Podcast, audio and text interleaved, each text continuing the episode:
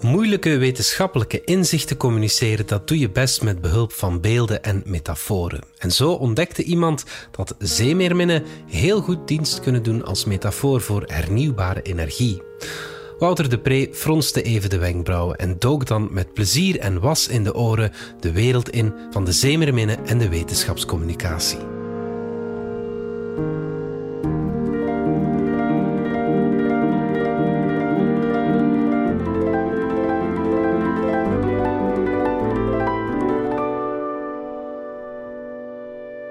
De meest onverwachte humor vind je op plekken waar een ontzettende ernst heerst. Lees maar eens het recente artikel over wetenschapscommunicatie in Energy Research and Social Science. Een team onderzoekers zocht een nieuwe manier om ingewikkeld duurzaamheidsonderzoek over te brengen naar een breed publiek. De redenen zijn legio en inderdaad ernstig. Veelbelovende onderzoeksresultaten raken vaak niet vertaald in beleid. De taal is meestal obscuur en noodloos complex.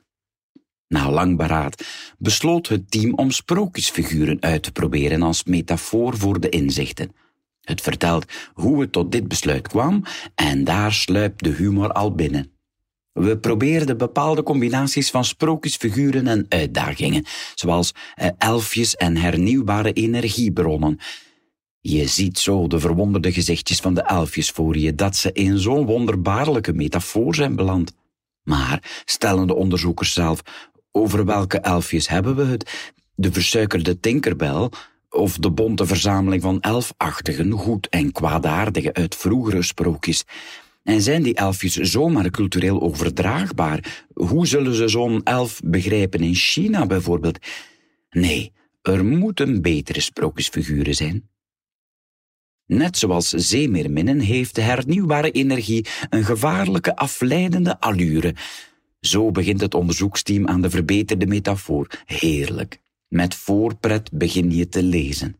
Dat hernieuwbare energiebronnen de oplossing voor alle problemen kunnen lijken, terwijl er meer aandacht moet zijn voor vermindering van de energievraag, voor efficiëntie ook. En hoe gaan we om met het feit dat zon en wind niet doorlopend energie leveren? Allemaal belangwekkende zaken, maar die niet aan bod komen in de sirenezang van de meerminnen. Net zoals zeelui in de wereldgeschiedenis, stelden de auteurs, moeten we ons aan de mast vastbinden met was in onze oren, zodat we niet vatbaar zijn voor het simplisme van de zeemeerminnen.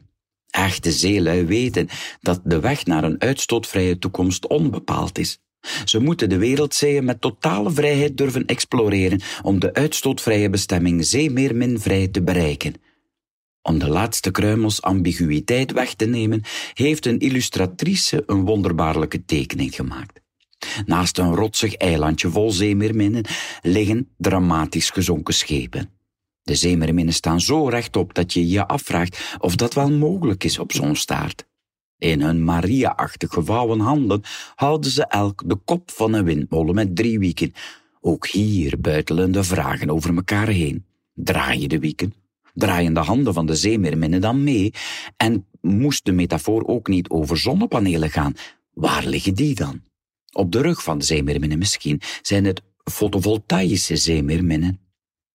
Pas op, helemaal slecht blijken die zeemeerminnen dan toch ook niet te zijn volgens de auteurs.